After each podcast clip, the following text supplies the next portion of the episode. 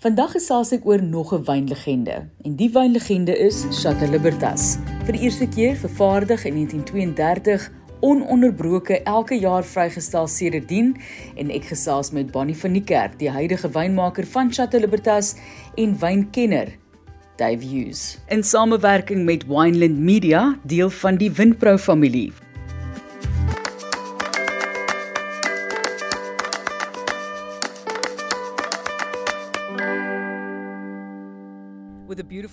Of the Devon Valley Hotel from this lovely terrace we're sitting on, having a cup of coffee because it's in the morning. And I'm very honored to welcome Dave Hughes again back to the podcast and the legendary winemaker of Chateau Libertas, Bonnie van Niekerk, which very rarely gives interviews. And it's wonderful to see that tourism is picking up again. I know um, someone from Stellenbosch Wine said we're hearing the accents again. So it's wonderful to welcome people to South Africa again. In front of us are two large files of historical moments of this brand, Chateau Libertas, that started in 1932. Bonnie's going to give us some insight into the current vintages and how long she's been at Chateau Libertas. And Dave is just going to talk to us about the many many fond memories he has of the brand and why he's such a fan. And I know that you know the brand top to bottom, Dave. Why do you think? Let's start with that. Why do you think Chateau Libertas is such an iconic brand? It's it's been bottled every year since the first bottling, so it's unbelievable that it's never been stopped and started again, and it's being relaunched now as well as a brand. I think because Old Man Winshaw um, was. Um, kind of fairly determined that that old brand was going to continue.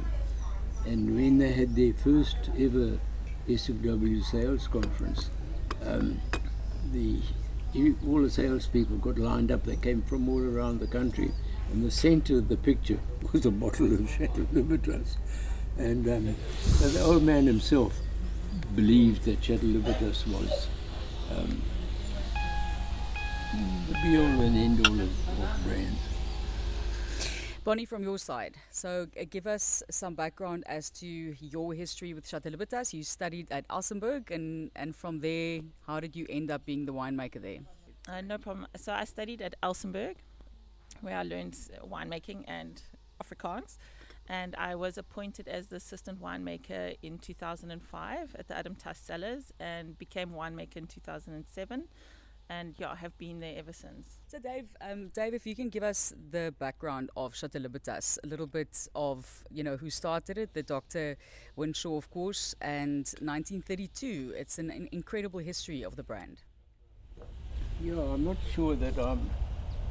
I've really got it all in my head, but um, when I got involved with Farmers Winery, Chateau Libertas was uh, the icon thing, and in those days. Um, you know, every seller had a big brand, and but none of them had a, a brand that kind of you bowed and scraped like Chateau Libertas, and um, and we really and truly didn't know at that stage just what we had, and um, a lot of folk um, just accepted that Chateau Libertas was there, and um, nobody thought too much about it until Mr. Winshaw, um, junior Mr. Winshaw that stage, um, had the whole sales team down from around the country. And when he lined them up for a photograph, he put a bottle of Chateau in the middle of the photo so that just that you should understand that this, in fact, is more important than anything. And um, I think just always, always just thought Chateau Libertas was mm. the main thing. I must say, I was a big supporter. I had a lot of it at university. We, we drank only Chateau Libertas, which was, you know, a step up from Tassenberg, for example. That's what everybody always thought. It is also South Africa's, believed to be South Africa's first red blend. Uh, Dr. William Charles Winshaw that started the blend. Bonnie, just take us through what goes into the wine. It, it's mostly Bordeaux. So yeah, the 2019 vintage was um, a Cab Shiraz based blend with a bit of Malbec and Petit Verdot. Some years um, there is no there's only Bordeaux cultivars, but um, yeah, Shiraz we have very good quality Shiraz vineyards here, so we we like to add some. So uh, that's interesting to me because you would think, for example, a, a brand like Chateau Libertas, people ex- expect consistency and they want the same kind of wine every year, or is that not the case? So it's we've got to build the same puzzle every year, but the pieces are different, and that's that's just a challenge of, of winemaking. So the quality is different, the grapes are different, the climate is different, the ripening season is different. So we know where we need to end, but but the pieces are never the same. Yeah, so building a puzzle. So, do you like enjoying that, or do you enjoy building that puzzle? Is it is it a fun process, or are there certain expectations that you have to make sure is met? It, it's very stressful. You know, we set the bar very high for ourselves. Um, but I think blending is as important as, as the winemaking process. And I think as a team, we're quite strong at blending. Um, we we can take components and we know where we need to get to. But yeah, every year it is, is quite a stressful process. Where did the grapes come from? Mostly Stellenbosch. Um, we do the Petit and the Malbec this year came from Malmesbury and Darling areas, but the rest was all Stellenbosch. Yeah.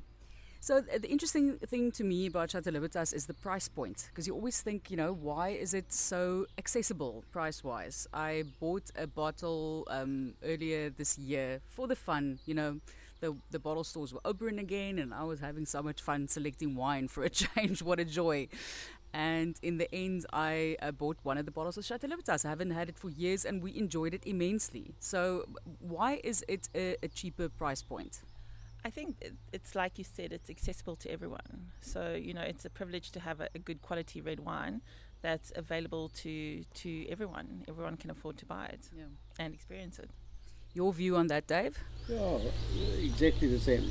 Old man Winshaw just said we've got to have a um, a flag-bearing wine, but it has to be accessible price-wise to the regular drinker. And um, and everybody said, oh, but we've got Tassenberg. He said, no, no, it's got to be a couple of steps above that. And um, and that's how it came about. So it started, as I said, 1932 was the first year it was bottled, um, and obviously Dr. Winshaw had a passion passion for this wine, but this wine has never skipped a year, a harvest year. So who did everybody else just buy into it to make sure that there was never a year that was skipped, or why do you think it's it was able to be so consistent every year? No, I don't. I don't think that a lot of people really appreciated that that's what they were doing. It was just something that they did, and um, and if you take uh, the late Duimpie, um, I don't think he ever thought that we produced a vintage every year. Um, it's just something that was done, mm. and It was also South Africa's first red blend, as I said earlier, as I, under, as, as I understood. Is do you think that's also one of the reasons why it's so important and so iconic? You know, you say that I, I didn't appreciate it was South Africa's first red blend, um, and I guess it helps to make it um, the iconic thing that it is. But um, you know, the, nowadays probably don't appreciate that there were a stack of wines in competition that um, um, Bertram's, who basically don't exist anymore, they had um, a wine. Um, there were various other people, the, what eventually became Distell, they had a, a, a, red blend. But I don't think people actually um, went out to make a blend to compete with Chateau Libertas. It was just one of those things Chateau Libertas this day, and people did things to compete with it. So let's talk about the name quickly. Chateau Libertas, the only chateau on a label in wine or on wine in South Africa because of, of course, the concept of champagne, same concept as port, any kreef ondertekening um, of France. Can you give us some background there, Dave? What do you remember? Yeah, well, um, you know, the when I first got involved with Farmers Winery, the um, idea of having a chateau was opposed by many people. They said, we don't do that in South Africa. We might have a cellar or whatever. And so it didn't just happen. It was one of those things that was, um, I think, many of the people like Ronnie Melck, for argument's sake, he said, no, that's, that's French, it's not South African. And, um, but um, the people who wanted persevered, and that's what we got. And what do you think of the fact that we have that one chateau on the label? So just just before um, they could cut it off, we had labeled already. Yeah, I th- well, I think it's great. I've never actually thought of it in, in that terms before. Um, now I just feel a little bit more pressure to blend good quality wine if we're the only chateau on the label. Yeah, so it's an interesting history with the the crayfish accord, if I can call it that. It was a case of uh, we won't use those names, and they will import crayfish. That's our, that's the short of it, as I remember. But uh, interesting history with that name. I never knew that. How much do you guys produce of Chateau every year?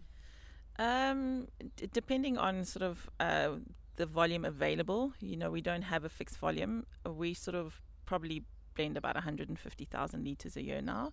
Um, the volume did go up because we've launched the two liter BIB. Um, yeah, so we're working just really hard to ensure that the quality is consistent and the the blend that's in the in the bottles is exactly the same one that's in the BIB. We're going to get to the 92 points soon, and congratulations on that, Bonnie. But uh, in terms of history, there are many highlights, Dave, and I want to ask you about how Chateau Libertas has been received also overseas and what people's view has been and experience has been of the brand over the years and of the wine. A bottle of 1940 Chateau Libertas uh, fetched 20,000 Rand at the 1985 Nederburg auction. So that's a lot of money for for that time. I mean, it's it's a precious bottle, 100, uh, uh, 1940 bottle of wine. So that was 600, 6,666 rand per bottle. I think that isn't that more than the Paul Sauer? I think something like that. These days. I've never thought about it, but I think it is. Yeah, um, and um, but I don't think people actually thought about competition and stuff. It just happened. Mm. And um, Chateau Libertas, I don't think anybody set out to um, compete. It was just one of those things that was there, and and the winemaking folk just made it, made sure that it was the best. And uh, so, what do people overseas? Do you remember any stories from of people's experience? Maybe you served it to some uh, lardy da Frenchman here in Devon Valley. I got to tell you that the first time I had it overseas was at a function in um, in the states, and um, some guy came along and he said, "Look at this bottle. These are people who they don't have chateaus anyway, and they're trying to upstage the French, and they produce this thing called Chateau Libertas." And I was so taken aback to find Chateau Libertas in the States. and it was in a very well known, um, what do you call it, retail shop. And and the guys who had the shop were so proud that they had a, a, a South African wine that was called Chateau. And that was like ultra special. And it was. yeah, the moment you put a French word on something now, suddenly it's it's an amazing product. Or no, no offense to the, the French, of course. But in front of us, uh, Dave, you've, as I said earlier, brought us beautiful, beautiful documentation of Chateau Libertas um, and its history, the Diamond Anniversary Competition to be specific. Can you tell us a little bit about that? And then also the certificate that um, was undersigned by Duimpie Bayly. Just give us an idea of the celebrations of the 60 years. Well, like anything that farmers is fairly alcoholic. Um, um, and Tell us what you can remember. of the yeah, exactly. Uh, And, you know, If Bonnie would agree, but a lot of us didn't really think it was a, a special occasion. That every time we produced a blend, it was a special occasion. And um, when we did this um, celebration and um, did all the fancy stuff, it was the marketing people who were more kind of excited about it all than the guys that actually made the wine. And um, and we eventually, I guess, caught on to the excitement, and um, and I'm pleased we did because it was something that is worthwhile getting excited about.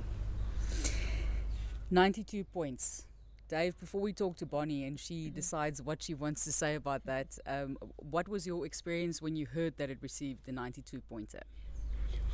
It was actually quite funny um, because um, somebody was who told me about it said there must be some mistake. Said this is. It's got this this amount of points, and whatever you call it. And um, I said, well, no, it's not. It's if you study the history, Chateau Libertas always been up with the best, and um, and they were thinking of fancy small cellars and individual outfits and whatever. But Chateau Lib was regarded by many and being made in substantial quantities, and it was in those quantities that it made its name. Yeah. Chateau Lib. Very hip, very hip, I tell you. But Dave, um, and I, I want to ask about Duimpie again. Um, he passed on, and I'm so sorry. He was such a great friend of yours, um, and what an immense loss. And he uh, seemed to be so healthy, and everything was was still okay. But you know, our bodies, yeah, let us down. And his experience of Chateau Libertas, he was also a, an enormous fan, and I'm sure you guys must have the most amazing stories around tables drinking some Chateau.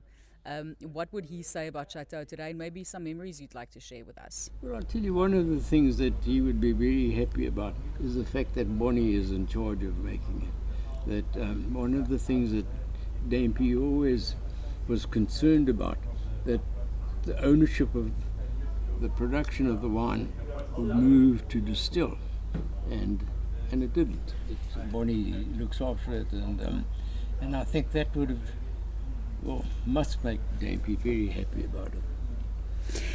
How will you feel about hearing something like that? So beautiful words. Yeah, I'm flattered. Thank you very much. Um, Chateau is, um, well, we talk about our wine as our children. So Chateau is one of our favorite children, and I think sometimes a forgotten gem. You know, over the years we've worked really hard on the quality to, you know, sustain what the consumers are used to drinking, um, and and it is it's a lot of pressure every year to ensure that that we get it right. Okay, here you go. 92 points. It comes and sometimes also a bittersweet. So you can share with us what you would like to share about that experience. Um, so obviously we were thrilled. We don't really enter Chateau into too many um, sort of um, competitions or, or reports. And you know we've just worked really hard on the quality of the past few years. And as a team, we decided this year we were just going to start putting it out there and if, you know entering a few things. And uh, yeah, so marketing submitted it, and obviously we were overjoyed. We were thrilled. I think there were some grumblings in the industry that felt that we had snuck in a different tank, but it, it wasn't. It was a once-off blend.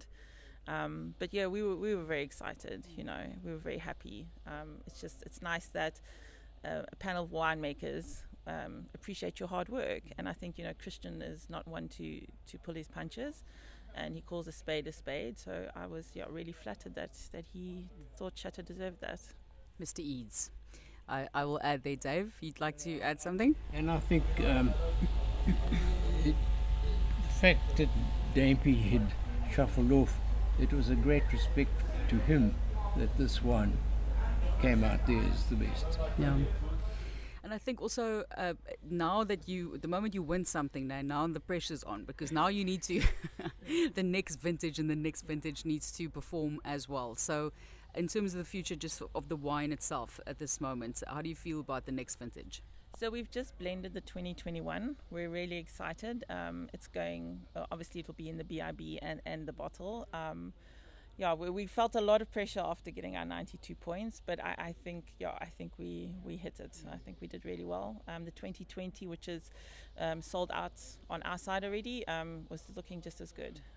So you said Cab and Shiraz because you've got good Shiraz vineyards, and I think Petit Verdot or Malbec or both. Um, you mentioned is in the wine itself. So um, give us some technical experience as to how you blend and how you decide and the levels and how much oak etc that you use on the wine. Okay, so we um, the grapes come in and we we sort of uh, ferment everything separately. We press and we keep everything separate.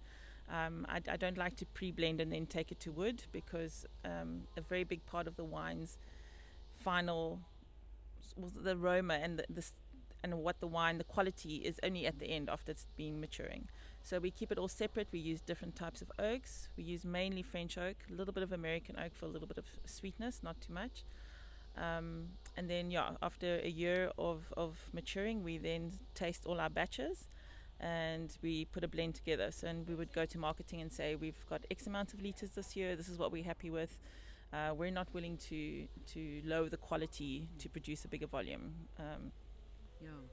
It is a lot of pressure, and that's very technical. So, how how technical does it really get in terms of percentages? You sit with a board in front of you, and you work with percentages, or is it the romantic idea of you taste and you know, no, I think it needs a little bit of this or a little bit of that, but it, it has to be quite technical, I'm sure. Yeah, I'm sure my boss would want us me to say that it's all about percentages on a board, but you know, the label just says red blend, which leaves the table open to us. Um, we're a very strong, opinionated team, so the blend doesn't happen just in one day. It's a bit of a back and forth. It's like two old bulls pushing back and forth, myself and the, the other winemakers. Um, but yeah, a lot of it is, is we're lucky we get to be creative. Um, like I said, we know what the puzzle needs to be. Um, we've just got different pieces to build it. Yeah. We are focusing on Chateau Libertas, and as you can hear, there's a lot of things happening at Devon Valley. They're preparing for tourists. We've got some tourists here. Finally, there are people staying here. As I said uh, previously, the last time we were here, there were no people. We were sitting on our own um, they could turn off the coffee machine for us and everything. So, but um, so nice to see that people are coming back. They can come and experience our beautiful wines in South Africa as well. Bonnie, Dave has many stories. I'm sure you've got some stories behind the scenes as well for us that you are allowed to share. Some faux pas that have been made, some big mistakes that turned out to be, you know, not a mistake or more funny than a disaster. Um, whatever story you'd like to share with us about the history and your time at uh, Chateau Libertas.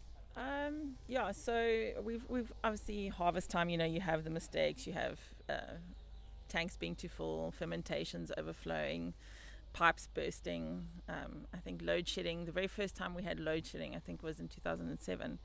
We were, we were ill prepared, and when it went off, the press was upside down, and all the wine just ran out, and there was oh nothing no. to pump it away, nothing to catch it, and we just we lost like a yeah 30 tons of Pinotage A just trickled down the drain, and there was nothing we could do. Um, so yeah, you have your harvest challenges, but um, I think it's just I've, I've been there a long time, and we've had lots of assistants come and go, and I think it's, it, it's not a winning wine; it's the winning team behind the wine. You know, we, I'm just really blessed to have a very strong, competent team with a lot of different strengths in different areas, um, and yeah. Yeah.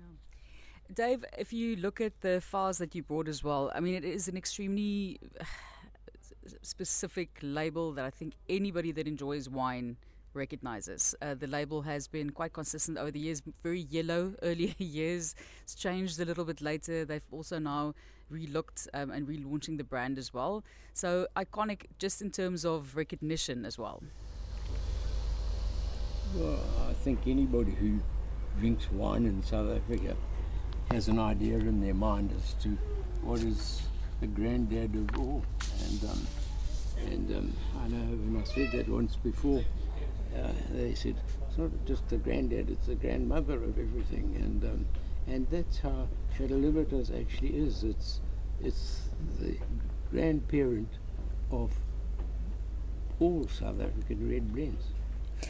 The British royal family enjoyed Chateau Libertas as well, apparently. In 1947, uh, that it was served uh, on the white train that took them around South Africa. So, you know, you really have. Would you like to send a bottle to William and, you know, the Queen, maybe, Bonnie, just as a remembrance? We'll just send them a box. I think, you know, we've got to move with the times and send them a, a two litre box. It'll be quite. So cool. the future, the brand is relaunching. Uh, why have they decided to invest in a relaunch? Why do they think it's necessary? I think you know the, the sort of marketing team felt that we needed to move a little bit with the times. You know, the label had remained unchanged for many many years, and it was that very distinct yellow. Um, I loved it, so they they sort of tried to keep the theme the same. Um, and also with launching the the BIB is also just you know moving with the times. Um, you know, carbon footprint, glass glass shortage. You know, we have to to look forward and find um, environmentally better ways to to package our wine. And yeah, the whole the whole premium wine and BIBs is is really doing really well in South Africa now. So yeah, I think it was good for us. And beautiful the synchronicity to a certain extent between Wineland, for example, turning 90 and Chateau Libertas is also almost 90. How, how far are we now? I think it's next year, 90th birthday. Yeah, next year is the 90th birthday. Yeah. Have you guys started making plans? Probably another boozy event, like Dave said about the 60th. I hope it's a boozy event. uh, and yeah, I'm not sure. I'll have to chat to the marketing department, but I'm sure they've got something. I'll make sure you two are on the list. Oh, wow. Thank you. Thank you. And Myself included. and, and you probably hope then that that year would be a good uh, year as well, 22. Yeah, I'm sure the pressure will be on to produce yeah. something spectacular. What are the vineyards looking like? We've had a good year. We've had lots of rain, um, but now we need the rain to stop. Yeah, I think this little bits of downpours we've had is, is not great. But yeah, if we sort of have a um, nice lots of sun and heat going forward and not too much wind, I think it's going to be a good year. Thank you so much, Bonnie, again for agreeing to the interview. As we said, Bonnie is very shy and doesn't so much give interviews. So I'm very, very honored. Thank you for that. Thank you for the work that you're doing with this iconic brand. Um, and Dave, any last words from your side about Chateau, maybe about Bonnie as well? well there's a lot I could say about Bonnie, but I shouldn't. She might embarrass her. Oh, right. No, only good stuff. Only good stuff, please. From the boozy event, I assume. uh, I have to say that the good thing about um, being on the sidelines like I am is to see what capable people there are in charge of everything nowadays. From the grape growing, winemaking, through to the um, marketing, the people that they've got together are just all very good. And as I said in front of me, it's a, a beautiful certificate. It looks like a certificate almost um, to Dave Hughes, and the mark of time of a time classic. I hope I'm reading this correctly. Of a true classic is its timelessness, and it's a beautiful, beautiful signed by Duimpie Bayly um, for this event of the 60th anniversary of Chateau Libertas, and I think there's a lot of pride here. And thank you very much for bringing all these documents with us. I'm going to continue looking through them, but yeah, thank you so much, Dave, again for saying yes for um, you know participating in the podcast. I think your wife is getting tired of me now, asking, "Can Dave please come?" Would that day suit him? Thank you so much, Dave. I appreciate it, and thank you, Lorna, your gorgeous wife. Thank you, Bonnie. Good luck with um, all the expectations in the future. And we say thank you to the doctor that started it all, Dr. William Charles Winshaw, that, by the way, he worked until I think he was 92 and lived until 96, passed away then. And the real reason we have Chateau Libertas in South Africa. In samewerking met Wineland Media, deel van die Vinpro familie wat hierdie jaar ook hulle 90ste verjaarsdag vier.